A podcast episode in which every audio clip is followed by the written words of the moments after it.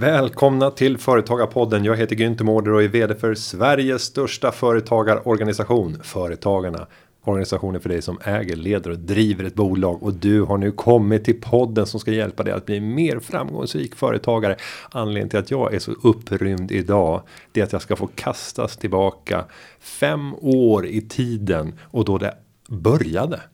Eh, lite förskott är det för att det var i december 2015 som vi släppte det första avsnittet av Företagarpodden. Jag hade letat med ljus och lykta efter vem som kunde vara min sparringpartner. Det var ett arbete som gjorde att jag fick leta utanför kontoret för personen som jag kom att finna som min blivande partner. Hon var inte på plats när jag började som vd utan hon var föräldraledig. Men jag visste att hon skulle komma tillbaka. Och eh, jag hade haft en försittning med henne precis när jag började. Och eh, sen eh, så ringde jag ett samtal och frågade vill du inte komma in lite tidigare med ett ammande barn och börja podda till mig podda tillsammans med mig? För jag tycker att du är en fantastiskt skön person och jag tror att vi skulle kunna ha en bra dynamik i podden och döm av min förvåning. Hon tackade ja. Hon sitter nu framför mig och för er som har följt podden under lång tid så vet ni precis vem jag pratar om. Jag säger välkommen till Företagarpodden. Och min gäst idag är såklart ingen mindre än den evigt klart lysande Jenny Rosenbaum. Välkommen! Ja men wow, tusen tack! Så kul att få vara här. Äntligen tillbaka. Ja, jag är så övertaggad känner jag. Du också lite. Jag sitter ja, och liksom hoppar i stolen. Det var så här det började. Eh, 2015. Vi pratade under hösten. Minns du det där samtalet som du fick under föräldraledigheten? Ja, men det gör jag absolut. Men jag skulle vilja backa bandet för att vi hade ju. Eh, du hade ju lite så här små intervjuer med eh, i princip eh, alla anställda där mm. du eh, egentligen skulle lära känna dem. Så det kanske inte bara var hmm, kan det här bli min partner i podden? Men det var väl också lite tanken. Och då när du och jag pratade, kommer du ihåg då att det var så otroligt obehagligt för att du satt och skrev på din dator som så här frenetiskt. Du stirrade mig i ögonen och skrev samtidigt frenetiskt, alltså utan att titta ner en enda gång. Och jag har frågat dig mm. flera mm. gånger efter, vad skrev du om mig? Eh, men det har du inte sagt. Är det någonting som kommer komma fram nu? Det kommer inte avslöjas nu utan det blir till tioårsjubileet. det blir till tio års. damma av det där dokumentet. Jag förstår. Nej, men eh, så här var det ju att det var ju faktiskt inte du som ringde, men däremot så fick jag ett sms eh, att eh, du har blivit utvald. Günther vill ha med dig i podden. Eh, kan du tänka dig att vara eh, hans sparringpartner? Och eh, då låg ju jag på BB. Mm. alltså, så det var ju liksom så här dagen efter eh, min lilla dotter föddes. Och, det var vårt sätt att säga grattis. ja, det var så här grattis. Eh, och då så kom jag ihåg att jag var så här, fan jag kan inte tacka nej till det här, det verkar så kul. Eh, men en sån här chans får man bara en gång i livet. Ja, man får ju bara det. Men det var ju, hon föddes ju i september. Mm. Så jag var så där, ja men när tänker ni er i typ eh, april eller sådär? Eh, nej, eh, alltså vi tänkte typ om några veckor. Och då blev jag ju lite stressad och sen sköt vi ju fram det och precis som du säger då, december så, så stod jag svettig och eh, nyammad här. Och ma mamma var med många gånger. Han var alltid med. Ja, och gick ja. och vaggade här ja. av och an. Ja, men det var, det var tider det. Mm. Mm, det är fem år sedan. Fem år sedan. Mm. Och sen eh, körde vi nu kan jag inte siffrorna och vi har ju så här, olyckligtvis inte numrerat dem på ett korrekt sätt. Mm. Utan de ordinarie avsnitten har ju fått ett nummer och sen har vi ett specialavsnitt som inte har fått ett nummer. Men jag tror att vi gjorde. Jag tror vi gjorde 70 avsnitt eller något sånt där. 60 kanske. Jag tänker att det var fler. Ja, ja men 60-70 mm. avsnitt. Det kan nog stämma precis. Eh, och de är otroligt bra för er som är nya lyssnare. Gå gärna tillbaka till avsnitt 1. Men, men då måste vi sätta dig för mm. de lyssnare som inte har varit med sedan starten. Mm. Jenny Rosenbaum. Jag vet inte alla vem jag är. Vem, vem var hon då när hon började podda? Ja, Åh oh, gud. Ja, nej men vem var jag då? Ja men då var jag, eh, ja vem var jag inte? Alltså jag, jag var eh, jag var ju som, förutom då nyförlöst, så hade jag ju eh, jobbat här på Företagarna ganska I många sex år. Sex år kanske, ja. och det var ungefär 35 år. Eh, var det 2015? Ja, fem år hade jag jobbat. Ja. Precis. Ja, jag var 34 år gammal och eh, ja, vad ska man säga? Jag jobbade i Nybliven tvåbarnsmor. ja, nybliven tvåbarnsmor. Eh, jobbade som jurist här på Företagarna i rådgivningen. Och Någon eh, specialisering? arbetsrätt var ju min lilla specialisering. Och sen så när jag Ja, men jag ska väl vara ärlig och säga, jag hade ju tänkt lite så här, hmm, vart ska jag vara kvar på företagen, vad ska jag göra? Ni vet, det har gått fem år, men det här blev liksom en sån här eh, nytändning. Jag såg, Jag, jag får säga så här, det här blev ju så här kaching. Det blev det inte. det kan jag säga till er där ute, det blev det lätt inte. Det var inte catching. Vill man göra de stora pengarna, då är det inte poddpartner till Günther man ska tacka ja till. Där fick man liksom någon så här, Men man, jag, men, men man har roligt. man har roligt. Jag tror jag fick så här tim, räkna på mina timmar och så var jag så nervös för att säga till Günther att jag hade läst på något extra också. Så jag drog väl av och sa att jag inte hade jobbat några timmar. Typ. Nej, jag har inte behövt läsa på. Nej, jag, ingenting. jag bara kör. Nej men det var ju otroligt, alltså första gången jag är i studio, jag var ju så jättestressad. Men alltså det som, som, ehm, som gjorde det så roligt var att det var, förutom att det ändå var ganska utmanande, att man var tvungen att verkligen fake it till you make it, hoppa in i Günthers värld, så var det ju väldigt, väldigt, eh, dels kul forum med podd, men också så kul att, att få lära känna dig Günther. Och det var ju väldigt roligt att få lära känna dig. Och det som var annorlunda med dig när det kommer i förhållande till många andra kollegor. Det är ju din eh, stora öppenhet. Eh, och att du alltid vågar säga vad du tycker och tänker. Eh, och det tror jag gjorde dig till en väldigt uppskattad kollega i de arbetsgrupper som du var med i. För du vågade ta parti. Du vågade säga det andra tänkte. Och det blev som en liten så här, ventil för mig i övriga organisationen. Och det gjorde ju att de här 15 som ibland blev 50 minuterna innan vi började spela in podden blev lika mycket så här, lackmuspapper för att förstå hur har olika saker mottagits, vad är det man pratar om, vad är det man känner oro inför, vad känner man glädje, lust inför. Att förstå dynamiken på arbetsplatsen. Alltså det Günther försöker säga är att jag läckte som ett Sorl. sorl. och var liksom, ja, och förklarade vad som hade sagts bakom Ja. hans rygg i kafferummet. Det? Eftersom det snackades en hel del strunt. Nej då. Spionen, den interna spionen. Ja, nej men det... Började du behandlas annorlunda efter att du eh, blev poddpartner till mig? Nu har du ju lämnat här och hälften av de som var tillsammans med dig på rådgivningen är ju Mm, heller inte precis. kvar utan är nya. Nej, men alltså det tror jag inte. Fast det där vet man ju aldrig om någon har pratat bakom ryggen. Alltså, Du man, märkte ingen? Nej, jag tror, skillnad nej, jag tror faktiskt inte det. Det kanske var lite så att man fick gå iväg och podda med, Mm. med Ja, jag måste till chefen. direktör. Ja, Mm. ja men jag kan tyvärr inte, jag måste förbereda podden, så kan tyvärr inte sitta i de här telefonmötena just nu.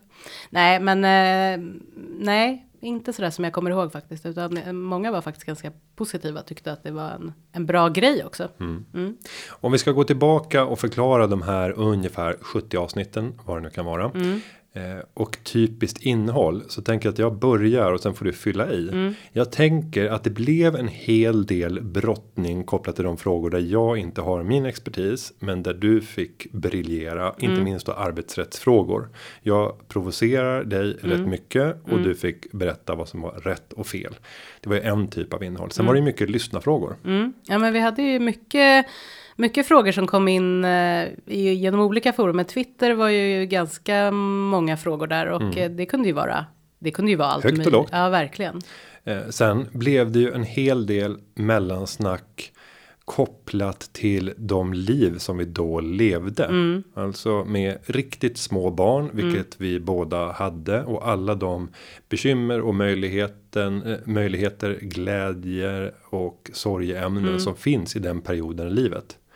Eh, Så jag tror att vi hade rätt många personer som eh, var föräldralediga som gick med sin barnvagn både både herrar och damer som eh, var lyssnare. För det märktes också på frågeställningarna. Ja men så här uppstartsfrågor verkligen. Att man ville mm, hade gick i tankar på att eh, starta bolag. Och så antingen att man ville liksom pitcha idén till dig för det hade vi ju också.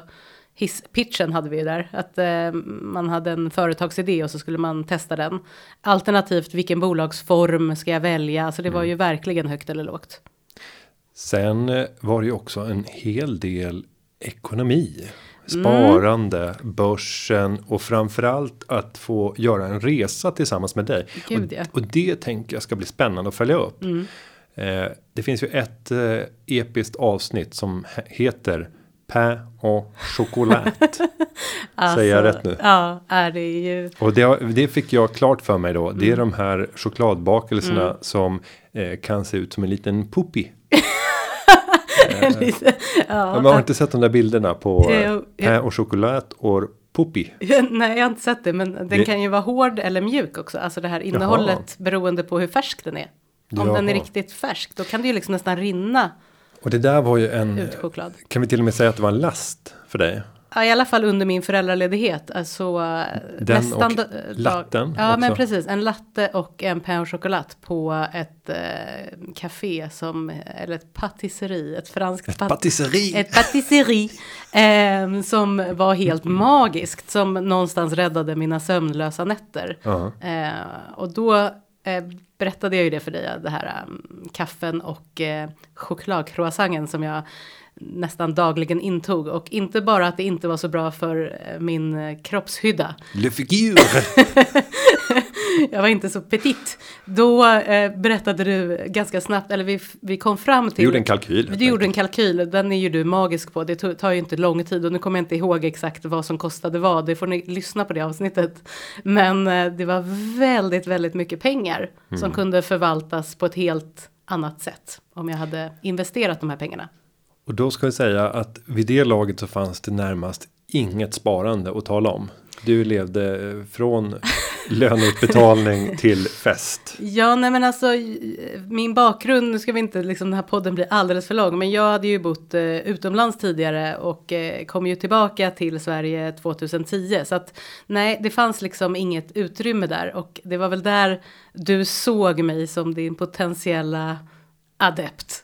Nej men det var roligt att för du hade ett driv och du hade en vilja. eh, men- Noll kunskap. Ja, noll kunskap men, men också du hade inte den där gnistan som behövdes för att få elden att börja brinna. Nej. Och bygga upp det där trygghetskapitalet som gör att du till fullo kan realisera dina riktiga drömmar. Och det blir ju lätt så att när man bara bränner alla pengar som kommer in på saker som man egentligen inte tänker på. Det ger ganska låg effekt och kanske ganska låg grad av glädje långsiktigt. Kortsiktigt så känns det bra. Eh, då hamnar man ganska snabbt i ett, i ett ekorrhjul där man tvingas göra saker på grund av ekonomiska skäl. Det är inget roligt. Du blev ju, alltså jag mådde ju så dåligt för att jag kände ju liksom inte Günther och då var han så här äh, gång två ungefär.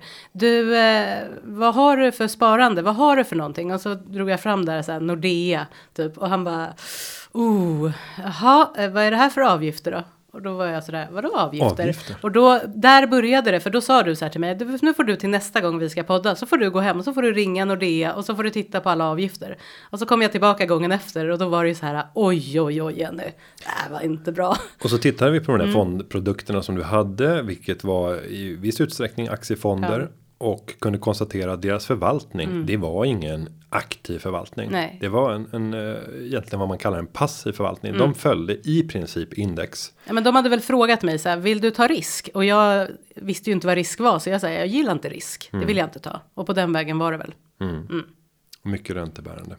Nej, så vi gjorde en resa. Du eh, startade ett konto och eh, vi la upp en sparstrategi som utgick ifrån att du inte skulle behöva bry dig och du ville fortsatt ha produkter där man inte kände att man behövde göra det aktiva valet. Så vi la upp en passiv förvaltning till dig. Det var gratis indexfonder som idag kostar lite grann, men då var de gratis. Eh, vi köpte Sverige, Norge och Danmark eh, Eh, i en liten blandning. Vi köpte också en aktie då. Ja, precis. Vi köpte en aktie. Eh, Alltså när vi säger vi så det älskar man ju för att jag, Ja. jag använder ju det här forumet också precis så. När det går dåligt och så här. Vi, vi har inte utvecklats speciellt bra nu. Nej, precis. Och sen jag har Nej, men en jag litade ju liksom helt och fullt på Günther och ni som vill, vill liksom lära er mer om det här får ju lyssna tillbaka för att vi går verkligen igenom med mina frågor. Hur ska jag lägga upp det här? Vad betyder indexfonder? Ska jag ha 50? Ja, jag skulle ha 50% Sverige. Varför ska jag ha det? Eh, det var liksom väldigt många frågor, men absolut. Eh, vi köpte ju, vi köpte ju H&M Mm. men vi sa inte till när jag skulle sälja. Så den Nej. har jag ju kvar. Det- Tack för det Günther. Ja, och det gjorde ju jag. Och om vi nu ska säga i backspegeln alltså titta du på. sålde H&M för du hade mycket H&M. Ja, jag hade H&M då, men jag sålde tror jag ett halvår senare när de hade rest sig upp mot 180-190. Något sånt. Eh, och eh, mm, det, det är väl om jag ska säga vad ångrar du? Nej, för att den eh, positionen låg ju fortfarande back i portföljen, men i övrigt så var det en väldigt fin avkastning. Om vi nu ska sätta dig på dagens tron. För att det är inte så att efter företagarna så gick du ut i någon typ av evig arbetslöshet.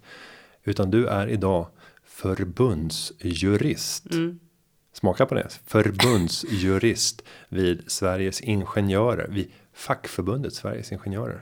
Jag är så här fortfarande, varför ska vi sluta prata om det här sparandet? Där ville du, du ville gå över till något annat. Nej, men Nej. Det, den bryggan som jag vill ha Ja. över där. Det är att en, en sån typ av, eh, av resa rent karriärsmässigt. eh, Även ekonomiskt. b- Borde även ge, Ja, ge ja, du tänker så, du tänker så. ekonomiskt Ja, och därmed öka ja. sparutrymmet. Ja. Så jag gör en prognos där du borde ha goda förutsättningar att kunna kalla Mm. dig finansiell mil, inte miljardär, men mil, miljonär i alla fall inom tre år. Men alltså, eh, ja, kanske. Det finns mycket goda förutsättningar Mm. skulle jag säga. Alltså nu är det ju så här att det som jag tycker har varit så fantastiskt med det här och det är ju därför jag hoppas att det här ska kunna växa mer. Det som var så coolt med det här var att jag också för första gången kände, men vänta, jag ser att pengarna börjar växa. Jag blev liksom överraskad själv att jag överhuvudtaget var intresserad av det här. Sen kan jag inte säga att jag varit så intresserad så att jag liksom har tagit eh, kurser, men du och jag har ju pratat en hel del. Jag har börjat lyssna på lite poddar, jag försöker liksom eh, på samma sätt som jag faktiskt inte äter pä och choklad längre av olika anledningar då, dels det ekonomiska men också kanske att det inte är så nyttigt, så har jag liksom börjat tänka mera ekonomiskt och i spartermer och det kan nog ta en ganska långt. Ja, det tror jag absolut, för det är de små dagliga besluten som utrymmet för sparandet föds. Sen eh, i din portfölj så kunde jag observera någonting annat som jag inte är pappa till. Nej, jag vet, för att och då blir jag så, alltså varje gång Men som du behöver inte ursäkta dig, för Nej. det, det var ju Var ganska, det bra, ja, det var ganska goda beslut. Ja, ja, tack. Nej, men alltså jag har ju för, för er som förstår då, Günther och jag har ju liksom eh, under de här åren, vi har ju haft väldigt trevligt så att vi har utvecklat dels en vänskap, men också är han ju min eh, personliga rådgivare, så att jag skickar ju sms lite titt som tätt. Jag får inte alltid svar direkt. Ungefär hälften av gångerna så får du svar. Ja, och sen får man så här äh, ligga på lite och så bara, du, äh, kan du titta på det där äh, som jag skickade? Nej, men och, så då äh, hade jag någon tanke om just äh, att gå lite vidare äh, med mitt sparande och kom då på att jag kanske ska ha lite spar i investmentbolag. Och hade lyssnat på lite poddar om det här, läst på och tänkte att hmm, det här kanske kan vara något. Så att då har jag liksom börjat, men jag vet ju då inte, alltså om jag gör rätt och jag vet inte hur mycket jag ska eh, sätta av och vad jag ska ha för tankar runt det här. Så jag tänker att det här är ett ypperligt tillfälle, Günther, att analysera. Jag har ju bara två investmentbolag hittills. Nej, och jag skulle säga att det är ett klokt val. En, eh, att köpa investmentbolag, vilket eh, ja, de har till affärsidé att investera i andra företag och sen får du köpa andelar i det företaget på börsen. Eh, och det innebär att de där tillgångarna som finns i ett investmentbolag, de vet man ju ofta vad de är värda om det är andra noterade bolag. Då kan man ju faktiskt avläsa vad varje innehav är värt. Och då borde man veta precis vad den där aktien borde kosta. Men sen finns det en, en sån där liten konstig faktor. Och det är att ibland så betalar man mer för den där portföljen än vad den i själva verket är värd. Och ibland så betalar man långt mycket mindre. Och då pratar man om substans. Substansvärdet, Ja, ja. substansvärdet, mm. substansrabatt eller substanspremie. Så att om aktien i investmentbolaget kostar mer än vad tillgångarna är Mm. värda. Då är det en substanspremie. Och en substanspremie kan i vissa lägen gå upp mot så här 20-30% mer än vad det är värt. Och på motsvarande sätt så brukar det också kunna gå ner och vara en rabatt på 20-30%. Och det där skapar fantastiska möjligheter för den som vill eh, ja, få en lite begränsad risk. Köper man ett investmentbolag som har en väldigt stor substansrabatt. I Investors fall så har det till och med tror jag. Jag kan inte säga värsta dagarna, men Mm. jag tror att den har varit på 40% när den har varit som absolut värst. Mm. Och det de har ofta förklarat det med att Investor gör inte affärer utifrån ett affärslogiskt perspektiv. Och med det menar jag att deras största innehav eh, är Atlas Copco. Om det skulle komma ett bud som ligger 100% över dagens marknadspris i Atlas Copco. Så skulle de inte sälja. Med stor sannolikhet. För att det är en maktfaktor. Eller ännu bättre SEB. Du får ett bud på hela SEB. 150% upp från dagens aktiepris. Det finns ju ingen investerare som inte skulle ta en sån deal. För de pengarna kan man ju sen ta och investera i så här andra banker. Få samma exponering. Men du har 150% försprång. Alltså att, att inte klara att generera en högre avkastning när du har 150% försprång. Det vore ju närmast kriminellt. Men har du, eh, har du några investmentbolag då? Eh, mm, nej, Nej. det har jag inte i dagsläget. Men det är ju för att jag är så att säga mitt eget Ja. investmentbolag. Och jag är ju väldigt aktiv. Men om jag ska gå, tillbaka till någonting så, så ångrar jag att jag sa att du skulle köpa en enskild aktie. Jag skulle istället rått dig till att antingen köpa investmentbolag eller att krydda upp det här med en äkta aktivt förvaltad fond eh, som fokuserar på ett lite smalare segment och då tänker jag på så här, en riktig små bolagsfond. Eller under den här perioden så har det varit jättespännande med en småbolagsteknikfond. De har ju gått riktigt, riktigt bra under den här perioden. Och för en sån typ av fond så betalar man normalt sett en och en halv, ibland upp till 2% i avgift. De brukar ibland ha så här prestationsbaserad avgift. Ehm, och om man får en äkta förvaltning. Där det faktiskt är någon som gör aktiva bets och avviker kraftigt från index. Och det är en skicklig förvaltare. Då är det värt att betala för det. Men index duger gott för många. Men samtidigt så har jag också en jag har en, en förkärlek till att det ska vara kapital som inte är dumt. För en, ett indexkapital är ju per definition ett dumt kapital. En indexförvaltare kommer inte göra någonting annat än vad som händer på index. Nej, för det var det de sa där när jag lyssnade på just det här eh, poddavsnittet då, om investmentbolag. Då var det just att om du har en stark ägare i ett investmentbolag, då vill man ju att det ska gå bra för sina investeringar. Man Mm. gör någonting åt saken. Medan eh, index är ju vad det är. Ja, det det, är ingen som kommer bry sig om, det är ju index. Nej, och sen när ett bolag faller kraftigt, typ så här, ja, SAS. Om de ingick i, i det indexet som de speglade, sen går SAS jät, jättedåligt. Ja. Ja, då tvingas du sälja av SAS efter att de har gått ner väldigt mycket. Och, å andra sidan så kommer in nya aktier som eh, har haft en kraftig uppgång och då blivit så stora att de kommer in i index och då köper man dem. Ibland kan man säga att det där kan vara en vinnande strategi för du köper vinnare och du säljer av förlorare. Men du säljer av förlorarna ganska sent och du köper vinnarna ganska sent för att de måste komma in eller ur index. Så att eh, jag skulle börja titta på de små eh, fristående fondbolagen. Eh, och, och där har vi allt ifrån så här Strand kapitalförvaltning som jag gillar. Lannebo, du har Didner och Gerge. Odin, alltså den typen av, av eh, fondbolag där man faktiskt vågar ta risk. Man följer in till index. Eh, många av de här bolagen har också en, en äkta småbolagsförvaltning där man vågar avvika. Och det kan vara okej att betala 1,5% för, för det jobbet. För du får en hög förväntad avkastning. Så tar du inte den här bolagsspecifika risken som du tar om du köper bara Hennes Mauritz. Men om man tar bort då för att avrunda den här ekonomiska Ja. rådgivningen Det som jag mycket, det här som, blev- det blev väldigt mycket här, sen får vi gå vidare. Eh, är, skulle du ha sagt något annorlunda idag? För nu hade det som sattes upp var ju liksom indexfonder med 50 eh, Sverige, 25% Norge, 25 eh, Danmark. Det var liksom det som var Mm. utgången. Eh, hade du sagt annorlunda idag? Nej, men jag tycker att det är en bra bas. Sen så hade jag nog. Jag hade valt bort Hennes Mauritz Ja. och antingen köpt investmentbolag. Eh, men då, då måste man ta hänsyn till den här substanspremien eller substansrabatten. Det är inte speciellt roligt att köpa någon som har en, en väldigt kraftig rabatt och sen går de ner till att handlas på substansvärde istället. Varken rabatt eller eller premie. Eh, då kan det ju bli en rätt tråkig utveckling. Utan då hade jag tittat. eh, Det är ju fördelen med de här småbolagsfonderna. De handlas alltid på par. Alltså vad det är värt. Det är vad du betalar för det. Eh, varken mer, varken mindre. Och sen så har du avgiften på det. Men eh, mm, jag hade nog kryddat upp med eh, antingen eh, här, tre, fyra stycken stora investmentbolag och se till att det inte var en kraftig premie för tillfället. Och nu kommer inte jag ihåg hur det såg ut för Nej, de här är ju, nej men precis. Ja, nej men vi ska småbolagsfond. vi ska inte bli långrandiga i det för att eh, det här kan ju vi prata om väldigt länge för att du blir ju väldigt exalterad för min skull och jag Ja. blir väldigt frågvis för att jag har det här framför mig. Eh, och när vi tittar på avkastningsgrafen så kan vi jämföra den med Stockholmsbörsen med återlagda utdelningar och säga att din avkastning har varit något högre än Stockholmsbörsen.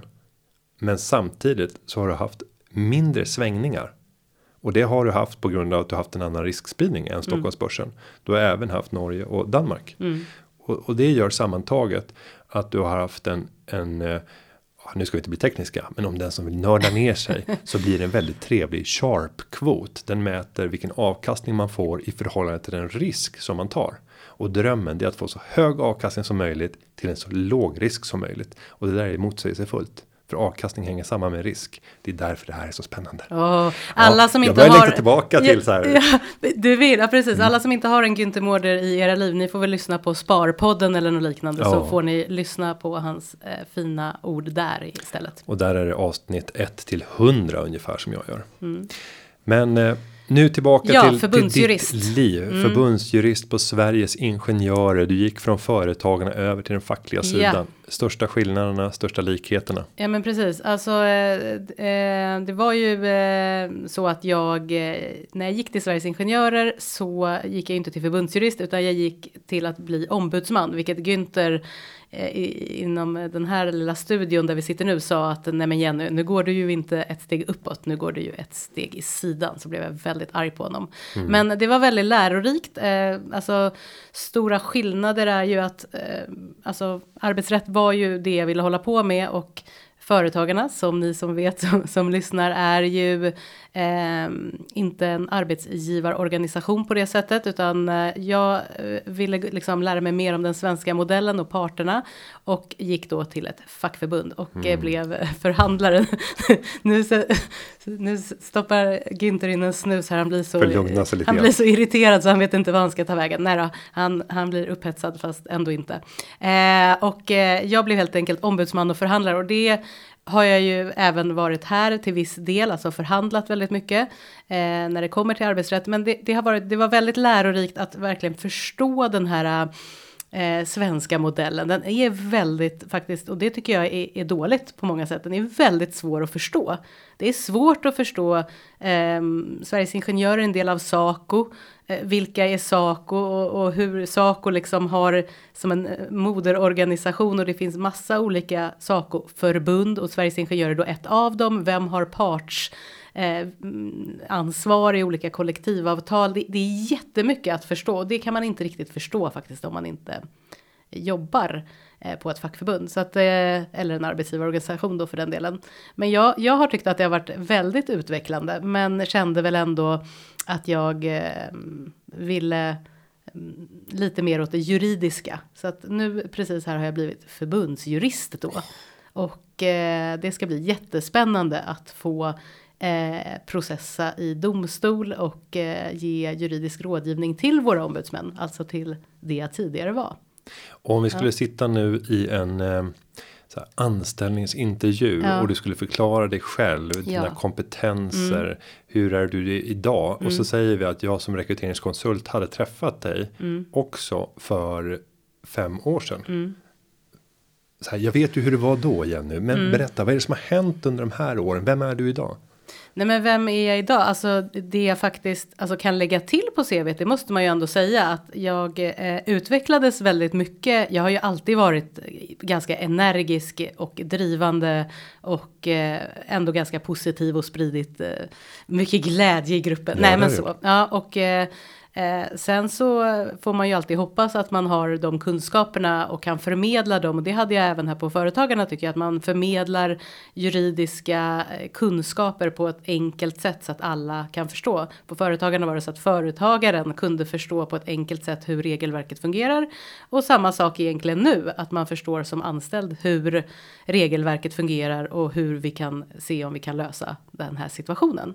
Men eh, det här med liksom poddandet, det tror jag ändå har fört mig eh, framåt, måste jag ändå säga, för att jag har blivit tryggare i i det forumet tack vare dig. Jag startade ju även faktiskt på det eh, på Sveriges Ingenjörer en podd, Ingenjörspodden för er som vill lyssna. Vi har precis gjort 50 avsnitt där vi pratar om fackliga frågor och vänder oss både till förtroendevalda och medlemmar, men verkligen försöker få ut eh, dels lite olika budskap, men framförallt eh, lära sig mer om arbetsrätten och Um, det är väl så jag tycker att jag har kanske förändrats att jag har fått lite ännu, alltså vågat ta lite mer plats. Det hade jag kanske inte gjort. Var det du som drev på för att skapa podden? Ja, men alltså under min anställningsintervju så hade de ju såklart eh, googlat mig och mm. lyssnat på eh, företagarpodden.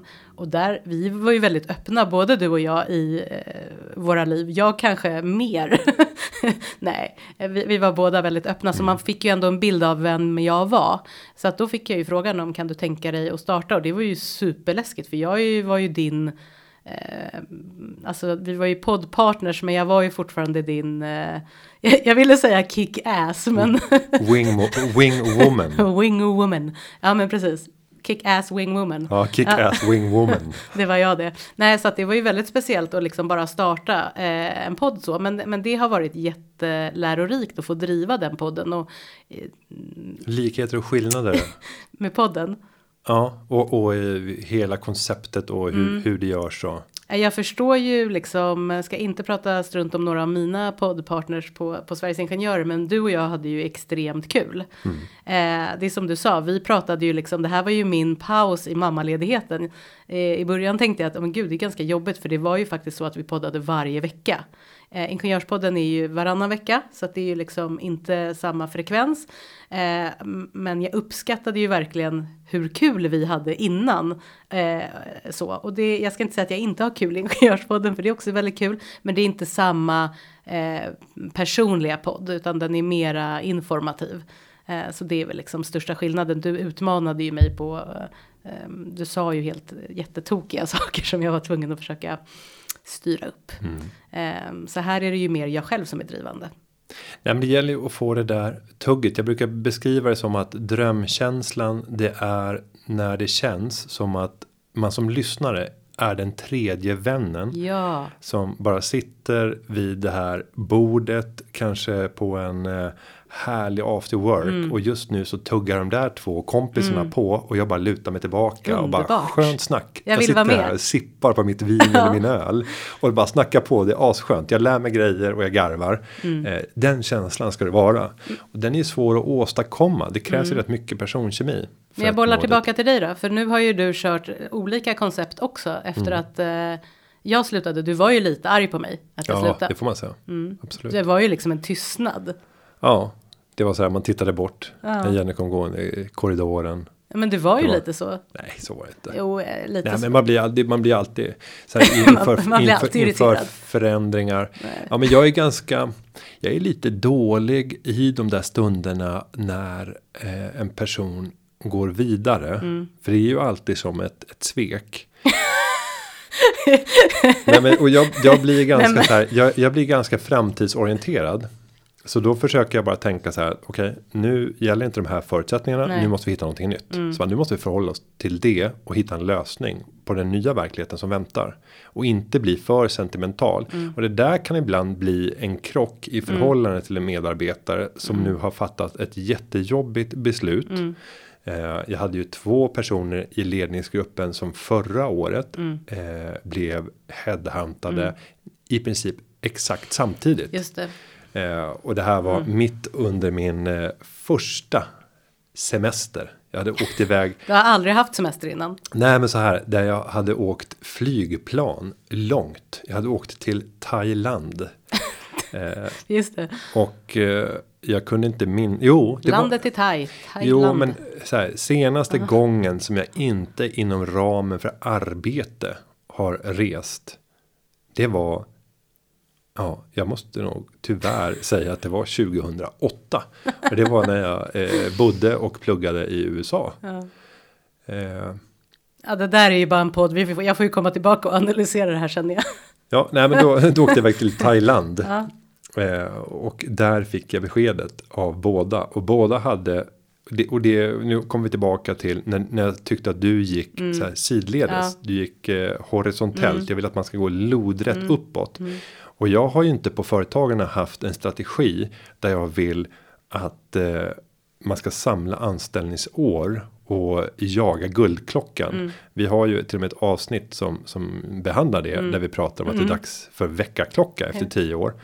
Och jag tycker att det ska vara lite grann på det sättet. Det här ska vara en så här karriärstrampolin. Mm. Hur kan vi hjälpa människor att ta sig vidare mot nya roller med ännu större ansvar Mm. om det är det man vill. Eller ännu större friheter att få utvecklas Mm. och också kunna få ett finansiellt avtryck och där vi kanske som organisation inte ens vill konkurrera med det. Och jag skulle säga att det, det tydligaste draget för mig rent Det är ledarskapsmässigt. tydligen att du har blivit äldre så att du inte vet vad du pra- pratar om. Dels det, men, men sen skulle jag även Mm. lyfta upp mitt förtroende för människor i min omgivning Mm. har kommit att stiga.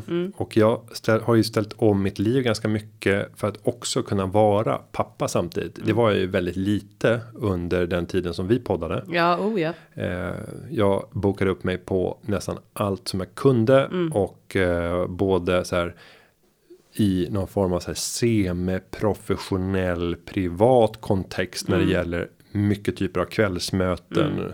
Eh, ja, ingå i olika nätverk. För mig var det väldigt viktigt då. Eh, men där jag kände att eh, det går inte att kombinera med eh, att också vara, vara pappa. Så att jag har på ett helt annat sätt också försökt ta papparollen. Och det har inneburit att man får ställa om livet. Säga nej till en hel del av de där kvällsaktiviteterna som är jättetrevliga. Men det gör också att man måste lita mer på sina kollegor och få dem att eh, steppa fram. Och när jag ser att resultaten kommer, alltså när du ger ansvar så tar normalt sett människor i din närhet det där ansvaret och de gör det bästa av det och många gånger så är de bättre än vad du är. Eh, Så att jag har nog blivit ännu tryggare i min ledarroll och eh, ja, får mer tid över till att kunna coacha, kunna gå in där det finns friktion om det uppstår, men det uppstår mindre friktion för att människor organiserar sitt arbete utifrån vad de själva tycker är rätt. Friktion uppstår ju oftast när det är någonting som man själv inte känner fullt ut borde göras på ett visst sätt. Utan det finns olika syn om hur det borde utföras. Och då är det ganska bra att föra ner den här beslutande rätten till de som faktiskt kan fatta de besluten. Och ge tydliga mättal. Så här, det här, hit är den stora bilden, hit är det vi ska. Om jag ska kvantifiera det i mål, då betyder det följande. Nu är det fritt upp till dig att forma hur ska vi ta oss dit. Och sen gör vi regelbundna avstämningar och du kommer till mig om du vill ha coachning om du känner att det här inte funkar. Eller om du behöver mer resurser i form av, av personal eller ekonomi. Men det låter lite som att ditt ledarskap har förändrats för att tidigare gjorde du mycket av de där grejerna själv. Jag var inne mycket i maskinrummet, absolut. Och går man tillbaka väldigt långt i tiden till när jag var vd på Aktiespararna. Då var jag, jag jobbade kopiöst mycket. Eh, men, men, Men nu eh, jobbar du med någonting annat för det är en väldigt, väldigt stor förändring hos dig och då med betoning på stor som har blivit liten. Det är ju Jaha. du själv, Ja. din, din kroppshydda. min kroppshydda, ja, Du har ju minskat, det är ju ni som inte ser honom här, han är ju ja ni skulle otro- se. otroligt slim.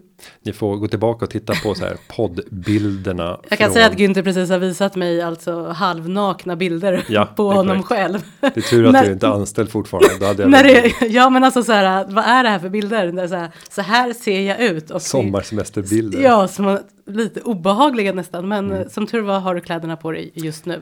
Än så länge. Ja.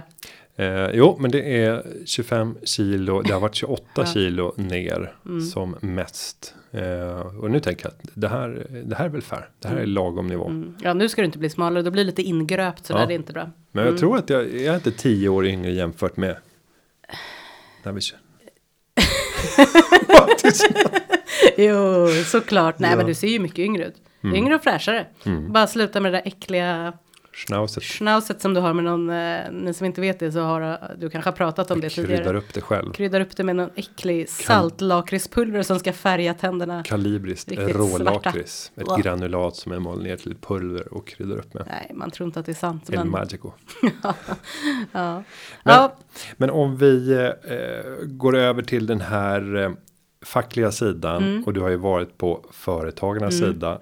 Så här, vad är det du ser från den andra sidan? Och om du skulle vilja ge så här lite insights. gud.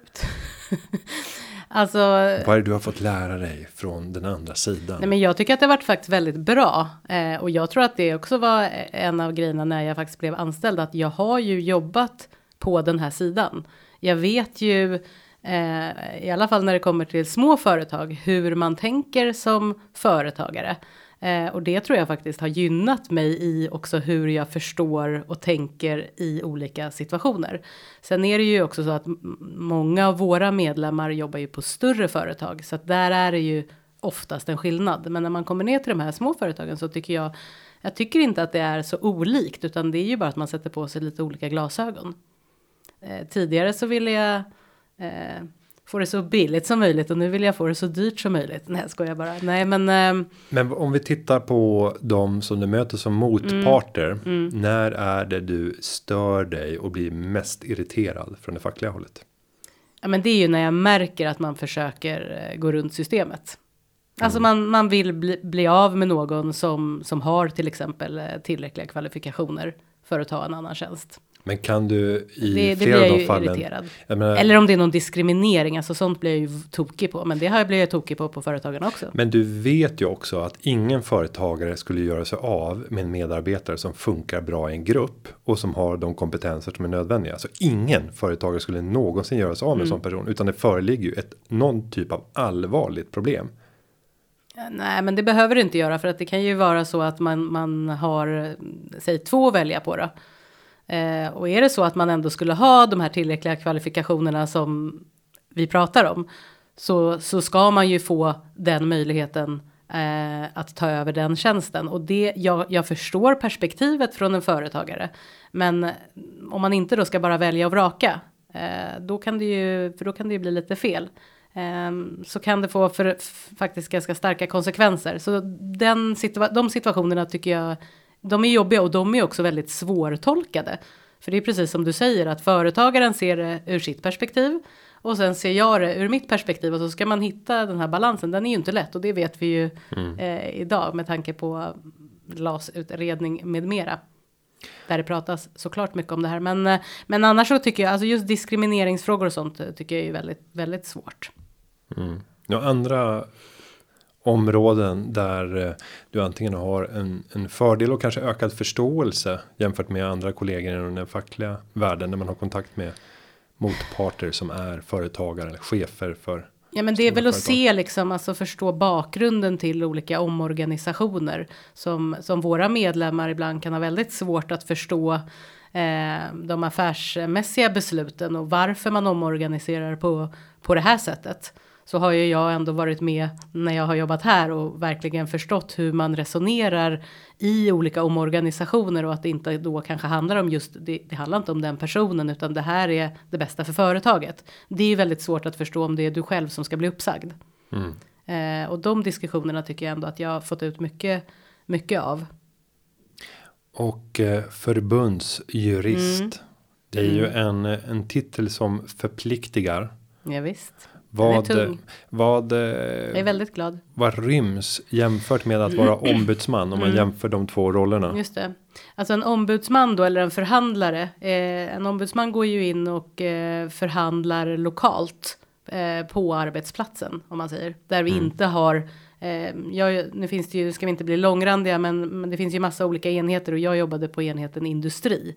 Och där man då inte har såna här akademikerföreningar eller fackklubbar eller liknande eh, som förhandlar lokalt. Då kunde jag gå in och förhandla lokalt en arbetsbrist till exempel. Eh, så gick jag in och förhandlade eh, mot då, eh, eller med vad man nu kallar, kallar det vad man kallar vill, eh, HR eh, oftast. Ehm, och då förhandlar man liksom på lokal nivå och är det så att man inte skulle komma överens där då förhandlar man på central nivå. Det gör man fortfarande som ombudsman. Eh, som ombudsman förhandlar man ju även kollektivavtal, så man är ansvarig oftast för ett kollektivavtal som ska förhandlas och då har man hand om de förtroendevalda och allt vad det innebär på det avtalsområdet. Sveriges Ingenjörer har ju 80 kollektivavtal, så det är ungefär, så det är väldigt många. Men, men eh, många avtal är ju, är ju lite större och där är man liksom avtalsansvarig då. Och sen så, uh, vart skulle jag komma med det här, vad skillnaden var jag? Ja, mm. Medan då som förbundsjurist, då uh, processar man ju i domstol och det är ju om man inte har löst tvisten. Uh, om det har blivit någon tvist då, som inte har kunnat lösas på varken lokal nivå eller på central nivå. Då kan det gå vidare i vissa fall och bli då ett domstolsärende. Det vill säga AD. Precis, det beror ju lite på ifall det har varit kollektivavtal eller inte. Eh, och om det inte är kollektivavtal. Då är det ju tingsrätten tingsrätt. först och mm. sen kan man ju eh, mm. gå då som sista instans till arbetsdomstolen AD. Men om det är kollektivavtal då har man ju redan förhandlat lokal och central nivå så då finns det bara ett ställe och det är då arbetsdomstolen. Mm. Så att eh, som förbundsjurist så är det ju den typen av eh, processer men väldigt mycket av en förbundsjurists arbete är ju att ge eh, rådgivning till ombudsmän. Mm. Så att eh, ja, det, då får man liksom de här lite knivigare frågorna. Eh, för att våra ombudsmän är ju såklart väldigt duktiga och löser ju det mesta. Så att det är ganska hög nivå på frågorna, vilket jag tycker är spännande. Och om vi då skulle titta på de kunskaper som du har idag och din egen bedömning av hur mycket du kan mm. när du lämnade företagarna mm. jämfört med idag. Mm. Är det med känslan så här fasiken vad mycket mer jag kan eller är det med stigande ödmjukhet och så här jäklar vad lite man egentligen vet. Ja, det, när man går in i nya fält och börjar ja, skrapa. Alltså man är ju aldrig så smart som när man lämnar en A-kurs på universitetet. Nej gud alltså första kursen på eh, juristlinjen, det sa våran eh, professor där till och med att eh, njut av det här, ni kommer aldrig veta så mycket som ni vet just nu. Mm.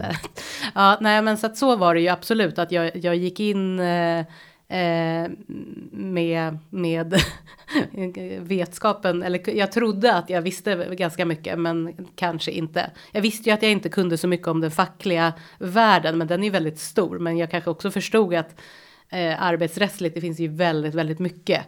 Eh, man blir liksom inte fullärd inom det här. Men jag, jag tycker också att, och det ska jag säga, att, att eh, företagarna, på tal om det här du pratar om med språngbräda, det är en stor fördel att man eh, när man jobbar som jurist på, på företagarna att man tittar på alla områden. Eh, så att man håller ju inte bara på med arbetsrätt utan du får ju frågor om avtalsrätt och fastighetsrätt och skatterätt. I materialet. I materialet, offentlig upphandling, mm. hela kittet, vilket gör att du blir ju ändå bred. Eh, vilket jag tycker har varit faktiskt en fördel. Men det är klart, jag har ju lärt mig jättemycket under eh, de här åren, verkligen. Och då får jag slänga in mm. en liten sån här marknadsföring. Mm. Och då kan Oj. jag säga så här att. Är den betald eller är det? Eh, nej, nej. Det, men den är in, intern marknadsföring. Ja. Det är inte så att företagarna just nu söker dig som jurist, men vi har ständigt ett behov av att snabbt mm. kunna rekrytera när luckor uppstår i vår juridiska rådgivning. Vill du ha en start där du får jobba med en bredd av frågor inom företagsjuridiken och få en karriärstrampolin? Välkommen med din spontana ansökan till företagarna. Och då kan man med fördel skicka mm. så här spontana Alltså den där rösten, den är, den är otroligt obehaglig. Men då kan man ju skicka till Karin Berggren som är ansvarig för den juridiska mm. rådgivningen. Och eh, det är alltid välkommet att bara ha så här, starka namn och det kan ju till och med vara så här i slutet av sina studier. Man har mm. ett år kvar och mm. bara säger att men jag skulle vilja göra det här. Föds en öppning kan jag få komma in och jobba timmar. Jättebra. Nu under krisen mm. då stärkte vi upp med ytterligare tre stycken jurister för att kunna klara mm. av inte minst frågan om korttidspermittering. Ja. Och då kunde många komma in under till och med sommarledigheten mm. från studierna och bara säga ja nu går vi in och mm. köttar. Att få den erfarenheten två och en halv månad och sen Jättebra. gå tillbaka och göra färdigt studierna. Så skicka in din spontan ansökan. Jenny, tiden springer. Nej, men alltså, Shit, vi har ju, jag vill bara fortsätta. Kan vi köra ett maraton i 24 timmars? Ah, vi skulle ju prata om så mycket. Vi skulle ju prata om eh... framtidens arbetsplats, corona. Ja. Vi skulle prata om amerikanska valet. Ja. Eh, Vad hände? Juridiska knep. Politik som är satt under hård press. Mm. Vi har mm. fått ett fantastiskt underlag ska jag säga här av vår. Ja, det var typ 40 frågor, men vi har hunnit med två. Vi David. pratade om min privata ekonomi och eh, ja, det var våra personligheter. Men jag säger till David Hagen som Mm. har förberett underlaget till dagens podd att eh, han får spara det här och stryka de tre frågorna av 15 som vi han hantera. Ja. Och sen får vi återses. Får vi se när det blir. Mm. Ja, men vi, eh, jag vill ju, alltså jag förstår ju att jag jobbar på Sveriges Ingenjörer, men alltså jag vill ju bara köra. Det här Du är ju bara så, tillbaka. Ja, men det är vi. ju så roligt. Ja. Ja. Fantastiskt Mm. roligt att ha dig tillbaka. Eh, om så bara för ett tillfälle. Men jag hoppas att tillfällena blir fler framöver. ja, Stort tack Jenny Rosenbaum. tusen tack för att jag fick komma. Och jag ska säga att klippningen den är som vanligt gjord av Petra Chu. Vi hörs igen nästa vecka. Ha det så gott. Hej då! Hej då! Företagarna. Ja, ja, ja, ja, ja, ja. Företagarna. Ja, ja, ja, ja, ja, ja.